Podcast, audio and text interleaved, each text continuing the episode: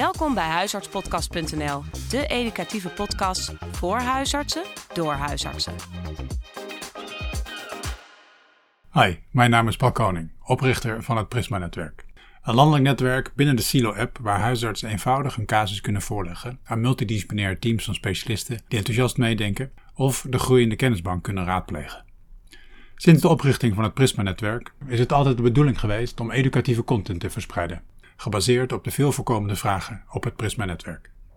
In deze tweede podcast, in samenwerking met de Huisartspodcast, gaat het over ijzergebrek. Wat is het? Wanneer moet je er wat mee? En hoe doe je dat dan? Internist ouderengeneeskunde Hilde Rooij schreef recent op Prisma alles een kennisupdate over ijzergebrek. Dit werd de meest belezen post op Prisma en leidde tot veel reacties en vragen. Zoveel zelfs dat we het topic moesten beëindigen. Dit was een belangrijke aanleiding om dieper in te gaan op de materie. En toen collega-internist hematoloog Marlijn Hoeks uit het Radboud UMC het Isla bezocht voor een presentatie over dit onderwerp, zagen we daarom een mooie kans om aansluitend de podcast op te nemen. Huisarts Femke Veldman interviewt beide collega's. Ik wens jullie heel veel luisterplezier en hoop dat het leidt tot mooie nieuwe inzichten. Goeiedag beste luisteraars, leuk dat jullie luisteren. Dit is een podcast over maak kennis met je blinde vlek over ijzergebrek. Ik ben Femke Veldman, huisarts, en ik zit hier met twee mensen aan tafel. Uh, dat zijn Hilde Rooyen en Marlijn Hoeks. En we gaan het dus hebben over ijzergebrek. En Hilde, jij gaat eens even eerst jezelf voorstellen. Ik ben Hilde Rooyen, ik ben internist. Ik ben 61 jaar, dus ik ben eigenlijk mijn hele leven al internist, mijn hele werkzame leven. Um, en ik heb me vastgebeten in het ijzergebrek, omdat ik er eigenlijk door Prisma achter kwam dat er een kennislacune is bij heel veel behandelaren. En in, in de zoektocht naar meer kennis en wat is waar en wat klopt er, heb ik Marlijn Hoeks uh, om advies gevraagd. Ja, mijn naam is uh, Marlijn Hoeks. Ik ben internist hematoloog in het Radboud UMC in Nijmegen. En wij zijn als Radboud UMC onderdeel van het kennis-expertisecentrum uh, voor ijzer. Ja. Dus we gaan het met elkaar daarover hebben. En je zegt het al, Hilde. Door Prisma kwam er eigenlijk achter hoe weinig kennis er bij huisartsen over was. En dit is dus ook een Prisma-podcast. Uh, dus een tweede Prisma-podcast. Dat is een silo-netwerk met als doel Move Knowledge, not Patients. Nou, dat gaan we zeker weer doen in deze podcast. Namelijk kennis over het ijzergebrek. Kan jij eens vertellen, Hilde, waarom, hoe komt het zo verder dat we hier zitten? Ik merkte toen ik. Uh, ik was eigenlijk vanaf het begin bij Prisma. Dus ik ben, ik ben er al heel lang bij. En ik merkte dat er heel veel vragen kwamen over. Van huisartsen over hun patiënten. Ik heb hier een vrouw, ze heeft een HB van 7,5 en een ferritine van 8. Wat moet ik ermee? En ik ben opgeleid door een hematoloog. Ik wil zijn naam toch noemen, want het is fijn. Rob Bieger. Hij is al heel lang dood. Oh. Maar, um, en als je opgeleid wordt door een hematoloog, dan krijg je toch een bepaalde blik op um, uh, anemie. En ik merkte dat de kennis over wat ijzergebrek is, eh, dat er soms een blinde vlek is. En toen ik antwoord ging geven aan huisartsen op Prisma, merkte ik dat steeds dezelfde vragen terugkwamen. En toen heb ik daar een ijzer-update over geschreven. Nummertje 14748, kan je zo opzoeken. Maar gaandeweg ben ik zelf ook meer in gaan verdiepen. En die verdieping heeft ertoe geleid dat ik uh, Marlijn heb opgezocht. Omdat zij natuurlijk de echte expert is op het gebied van ijzer en ijzerstoornissen.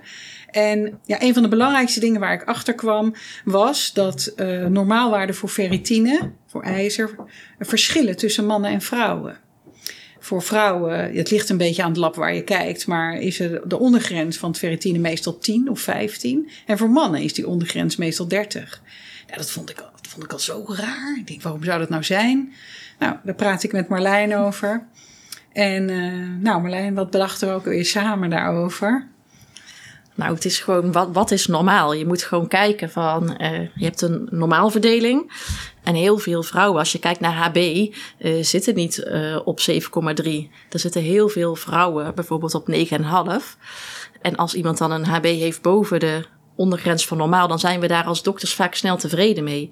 Maar de vraag is hoe terecht is dat? Want als, als een vrouw een HB van 9,5 heeft en ze komt nu met 7,3, dan, dan heeft ze eigenlijk een relatieve anemie ja, die je niet zo snel oppikt. Dus daar zit dan een deel van de blinde vlek. En bij die vrouwen moet je juist kijken, is daar ijzergebrek? Ligt dat daaraan ten grondslag en kunnen we daar iets aan doen?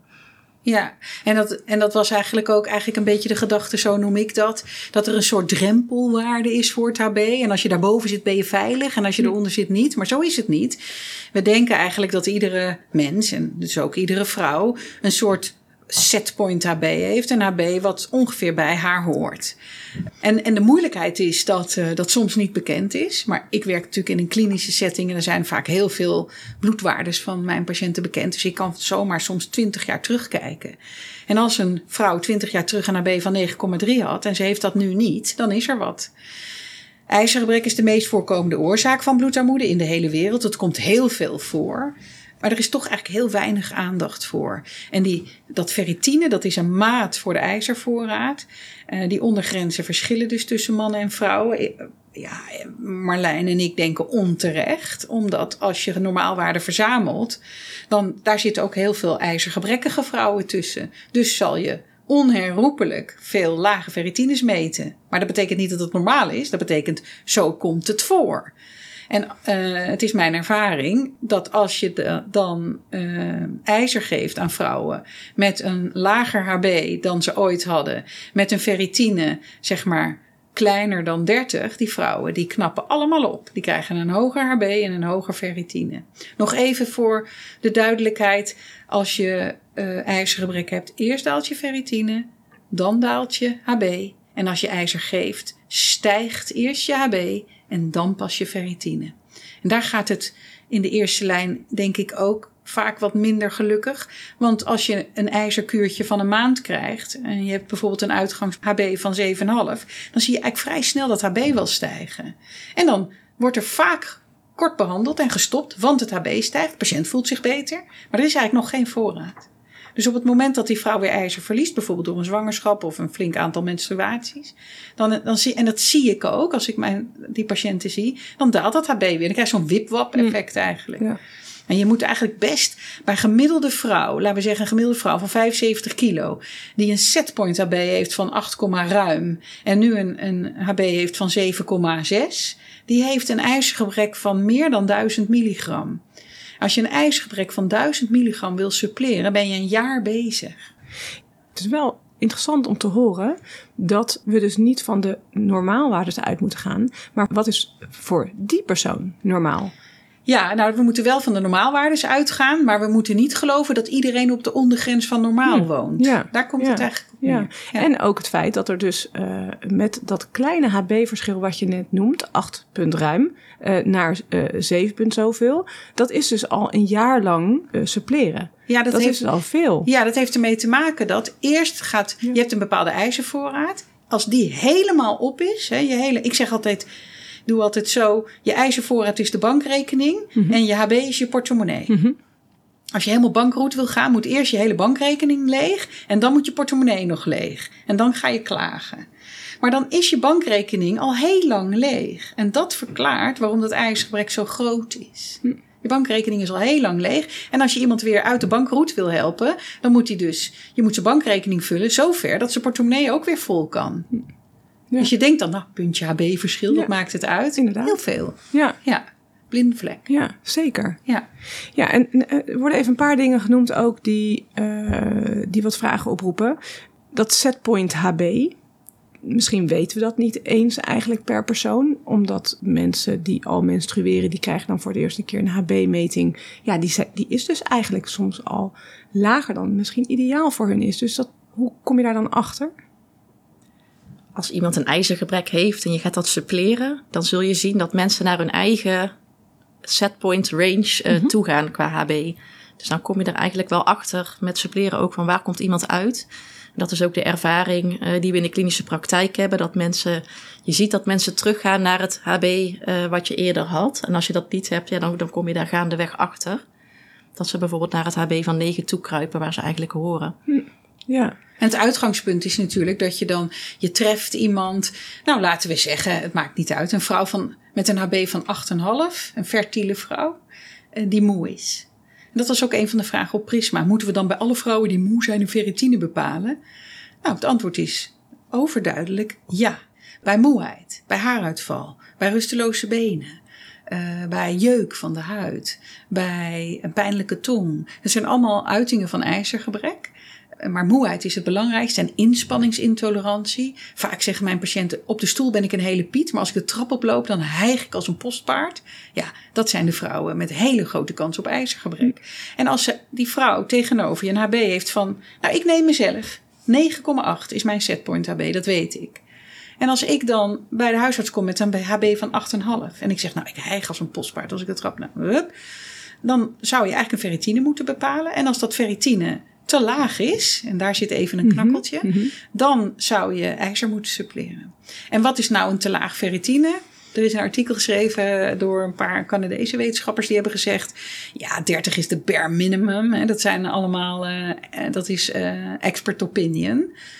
Uh, want we weten dat natuurlijk niet zeker wat normaal is. En op grond van de mannen zeggen wij 30 zou normaal moeten zijn.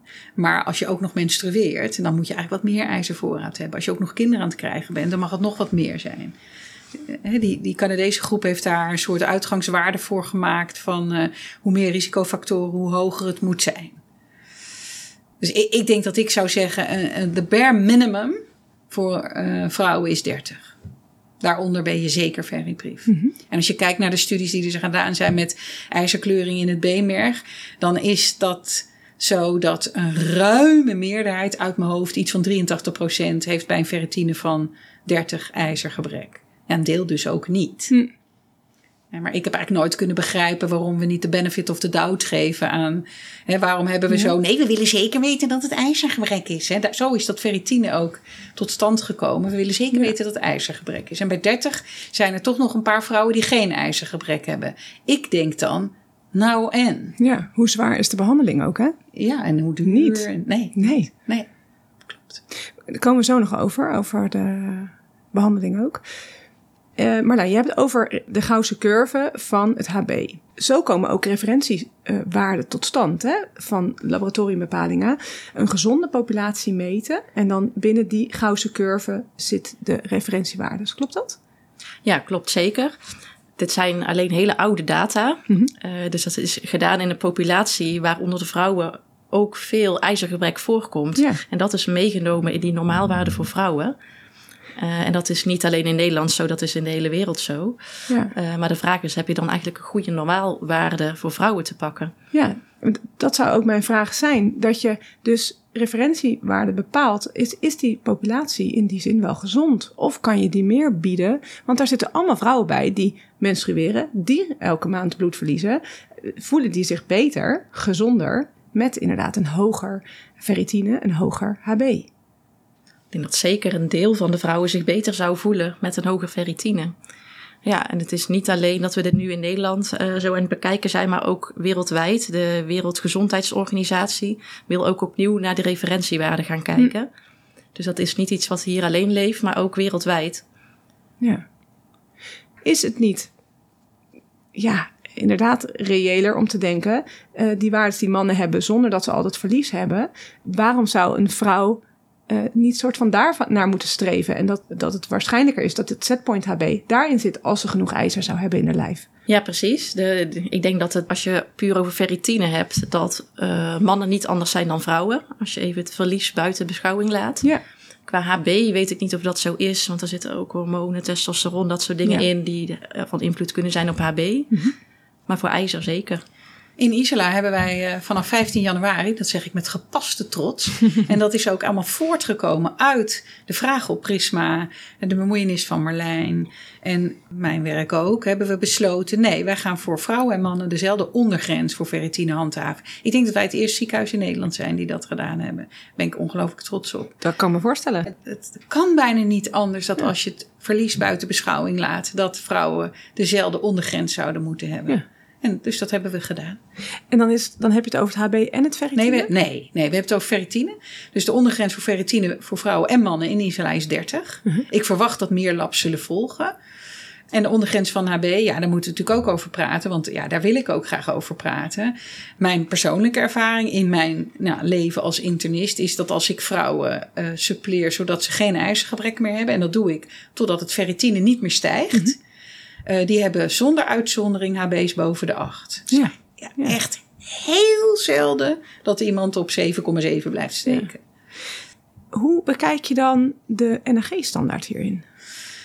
Ja, dat is, vind ik een moeilijk punt. Want ik sta in de stand, de standaard, uh, of een richtlijn eigenlijk, hè, moet je helpen om uh, de patiënten die uh, klachten hebben beter te maken.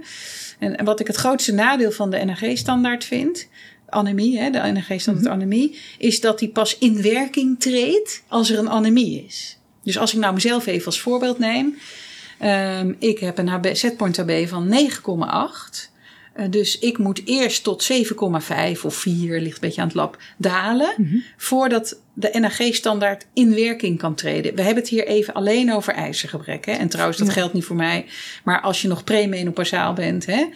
Um, dus dan moet ik, ga ik naar de huis en zeg ik, ik voel me zo moe. Trouwens, dat geldt wel voor mij, maar dan heb ik darmkanker, denk ik. Ik ga naar de huis en zeg ik, ik voel me zo moe. Dan zegt hij, wat is je HB? We gaan het prikken, 7,6. Oh, prima. Misschien zegt mijn huisarts dat niet, maar ik heb op Prisma geleerd dat wordt als prima ervaren. Ik zeg dan tegen die huisarts: ho, ho, prima. Mijn setpoint HB is 9,8. Dat heb ik altijd gehad, mijn hele leven. Ik zit daar nu onder. Prikken ze een ferritine. En dan prikken we een ferritine, dat is dan 28. Ik zeg maar even wat. Ja, dat is te laag. Ik heb een ijzergebreks, net niet bloedarmoede. En dat betekent dat er wat met mij is. Nou, ik ben postmenopausaal, mag je best weten, met 61 jaar. En dan moet ik natuurlijk naar de maagdarmleverarts. Maar als ik een premenopausale vrouw ben, dan moeten we natuurlijk kijken hoeveel vloeien zit het daarin. En een beetje afhankelijk van de leeftijd wat je dan verder moet doen. Een hele jonge vrouw, 20 of misschien 30, dan zeg je nou dat moet bijna wel door menstrueel bloedverlies en kinderen krijgen zijn. En vanaf, ja, weet ik ook niet, 45 ga je denken, ja, wacht even, kan ook iets anders zijn. Is er geen celiakie? Hè? Maar alle dingen die, waardoor je het ijzergebrek kan verklaren, moet je dan even aflopen. Ja, terwijl als je bij de huisarts zou komen met een HB van 7,6, volgens de standaard is er nog geen probleem. En ook nog in die zin geen verklaring voor je vermoeidheid. Nee, maar dat, dat klopt niet. Nee, dus dat is, dat is waar het pijnpunt een beetje ligt. In dat stukje van de standaard. Nou, dat, he, de, deze podcast heet uh, Maak kennis met je blinde vlek. Maar daar kan je zelf ook niet zo heel veel aan doen. Want je wordt niet echt geholpen door deze nee, richtlijn. Nee, nee, nee. nee. Ja, dus misschien wel een herziening waard op dat punt? Is, Absoluut. Is iets in de planning? Uh, Graag mij bellen. Oké. Okay. En misschien Marlijn ook wel. Mij mag je bellen. Okay. Nou, NAG, bel ons maar. Ja, ja. Maar het is een hele goede standaard. Alleen het begin mist. We vallen er middenin. Als er nou nog een begin aangemaakt wordt, ah, prima. Maar het begin mist. Het stukje laag ferritine. Ja, moeheid, normaal AB. Uh, hoog AB mag ook. Ik, ik krijg morgen een patiënt op mijn poli. Een patiënt, een jonge vrouw, 30 of zo. Die komt met een AB van 9,9 en een ferritine van 140. Dat zijn we allebei binnen normaalwaarde. En dan zegt de huisarts, ijzerstapeling? Nee, heeft gewoon hele normale waarde. Hmm. Lekker gezond, geen ijzergebrek. Ben ik morgen in vijf minuten mee klaar. Maar dat zegt iets over hoe zo'n huisarts dan denkt, wow, 9,9? Nee, ja, dat kan je hebben. Dat is gewoon voor een vrouw ook normaal. Wel, die zit aan de andere kant van het spectrum. En daar krijgen we dan een verwijzing van. Ja. Oh, en, en, aan de, en, en aan de lage kant, ja, dan doen we niks. Zeggen we, jij bent een beetje moe, moet uitrusten. Ja, maar wij hebben natuurlijk als dokters onderling hebben we ook allemaal onze eigen referentiewaarden in ons hoofd. Ja. Meestal de referentiewaarden die het lab aangeeft. Uh, maar die moeten we dus zelf ook een beetje bij gaan stellen. Nou, dat we het normaler zijn, vinden. zijn geen drempelwaarden. Daarachter ben je niet veilig. Ja. Je zit waarschijnlijk in, in het breedste deel van de Kouwse curve. Daar woon jij. En dat is natuurlijk niet 7,6. Dat is 8 plus. Ja, ja. Dat is de grootste kans. Ja. Maar we vinden het heel snel normaal. Als iemand een bloedarmoede heeft of het uh, HB is lager dan het setpoint en hij heeft een bijpassend laag ferritine, dan zeggen we nou, dan weten we nu wat we moeten doen. Dat deel van de blinde vlek is uh, opgelost, denk ik. Maar het kan ook zijn dat iemand nog een HB op setpoint heeft. Dus hoog, gewoon wat bij hem past. Ze had altijd een HB van 8,5 en dat is het nu nog. Maar die vrouw komt met moeheid bij de huisarts en haar HB is eigenlijk helemaal niks veranderd ten opzichte van eerder. Zou je dan toch, uh, Marlijn, mm -hmm. ferritine prikken? Als die vrouw moe is. Als die vrouw moe is, zou ik zeker ferritine prikken. Uh, want we weten dat bij een ijzergebrek, onafhankelijk van het HB, mensen klachten kunnen hebben. En dat is heel vaak vermoeidheid, maar ook subtielere dingen als uh, minder goed kunnen concentreren. Uh, wat mensen vaak noemen is dat de haren uitvallen of dat de nagels makkelijk afbrokkelen. Rusteloze benen, dat komt voor bij ijzergebrek. En daar hoef je niet al een anemie bij te hebben. Anemie is eigenlijk meer een soort eindstadium van ijzergebrek. Ehm, en je wil natuurlijk niet wachten tot een eindstadium voordat je, iets, hè, voordat je het kan gaan behandelen. Uh, dus het is heel goed om bij een patiënt die met vermoeidheid komt met een normaal HB, om toch ook aan ferritine te denken. Hm. Dat te prikken. En dat HB wat normaal is, dat is dus zelfs volgens het setpoint wat die patiënt uh, heeft, kan het zelfs zo zijn dat er wel klachten zijn. Absoluut. Ja. ja. En je noemde een aantal klachten: vermoeidheid, haaruitval, restless legs. kunnen we nog meer symptomen benoemen? Nou, de maternale en feutale gezondheid is een heel belangrijk onderdeel. Dat, is ook nog een heel terrein waar we goed naar moeten kijken. Ehm, er zijn ontzettend veel vrouwen die veribrief een zwangerschap ingaan. Mhm. En dat kan echt nadelen hebben voor uh, de maternale gezondheid, maar ook voor de feutale gezondheid. Dat is eigenlijk wel, best wel goed bekend eigenlijk.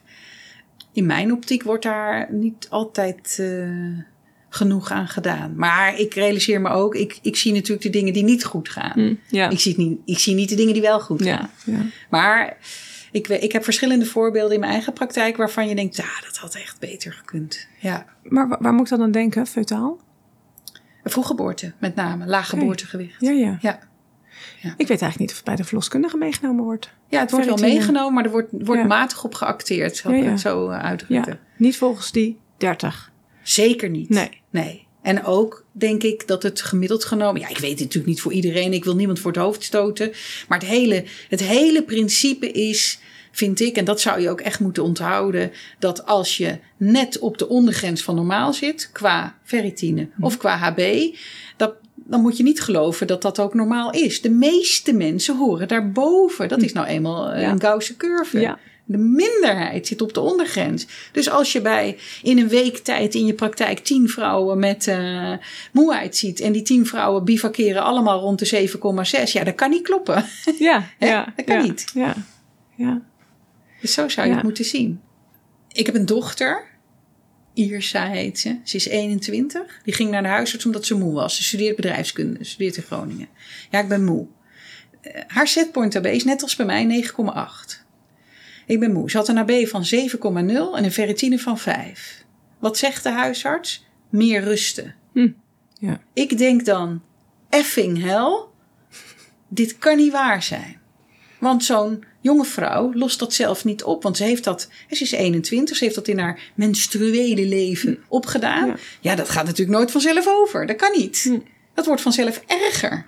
En dit zijn de vrouwen die wij dan in onze praktijk tegenkomen, die iedere middag van 1 tot 4 rusten omdat ze zogenaamd het leven niet aankunnen. En daar zit mijn pijn. Die vrouwen worden weggestuurd met je moet meer rusten. Zoiets als van het zit misschien een beetje tussen je oren. Ik zeg niet deze huisartsen die luisteren, die doen dat natuurlijk niet, maar het komt voor. En dat vind ik heel erg. Hm.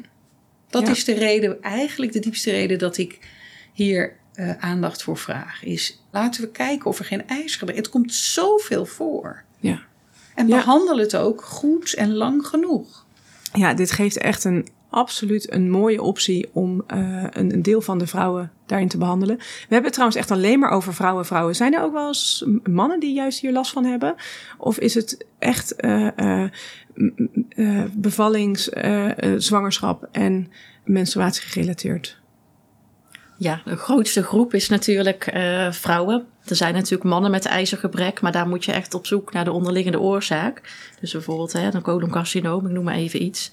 Uh, de, gro de, grootste groep zijn, de, zijn de vrouwen, menstruerende ja. vrouwen. En als daar dan ook nog iets bij komt, is het vaak moeilijker te differentiëren. Want is het alleen die menstruatie of zit daar nog iets bij? Dus dat, uh... We hebben ook nog nooit, dat heeft Marlijn me uitgelegd.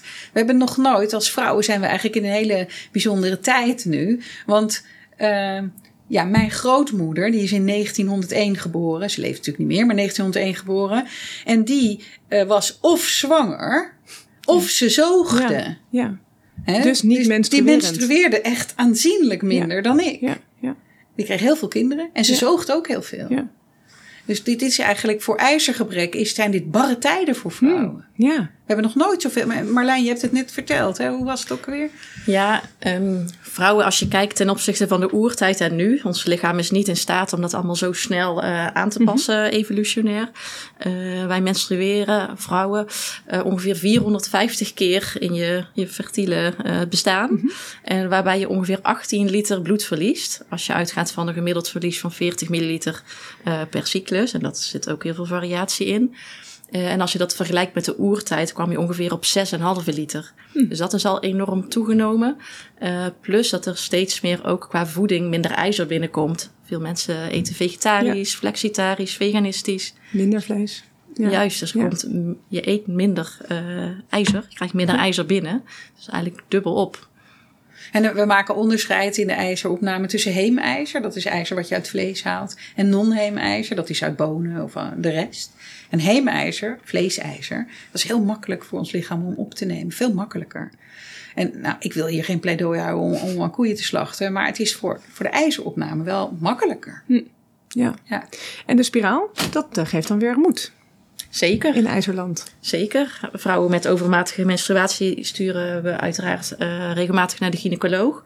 En als je dat menstrueel bloedverlies kan verminderen, dan heeft dat natuurlijk enorme effecten op eh, ja, het ijzer wat je minder verliest. Maakt het ook makkelijker om te suppleren.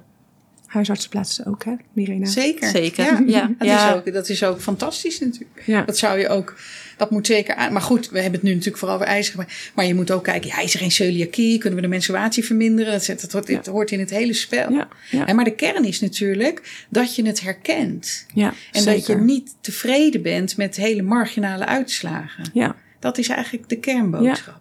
Ja. En dat een vrouw met een HB van 9,8, die moe is, die heeft misschien een ijzergebrek. Dat bestaat gewoon. ja, ja. Ja, Dus eigenlijk de boodschap is steeds, huisarts, je moet nadenken. Als deze vrouw en eh, vegetariër is en eh, nog kinderen aan het krijgen is en eh, geen spiraaltje heeft overvloedig menstrueert. Ja, dan is ferritine van 30, daar komt ze echt niet mee uit. Ja. En het is jammer dat je niet een lineaaltje ergens langs kan leggen en dan zeggen, ja, dit is het. Nee, je moet steeds zelf denken. En natuurlijk ook met haar voorgaande HB's. Ik zeg altijd het hoogst gemeten HB ooit, dat is het setpoint HB. En als dat 7,4 is, dan is het niet het setpoint HB. We zijn aan het einde gekomen van deel 1 van deze podcast. We zijn in gesprek met z'n drieën over de blinde vlek bij ijzergebrek. Met Hilde Rooyen, Marlijn Hoeks en ik ben Femke Veldman. We hebben het over deze blinde vlek en het is zojuist uitgelegd in deel 1. En in deel 2 zullen we het gesprek verder voortzetten over hoe behandel je het vervolgens, het ijzergebrek. Tot in deel 2. Bedankt voor het luisteren. Bekijk ook onze website op huisartspodcast.nl. Voor vragen of suggesties kun je mailen naar huisartspodcast.gmail.com. Tot de volgende keer.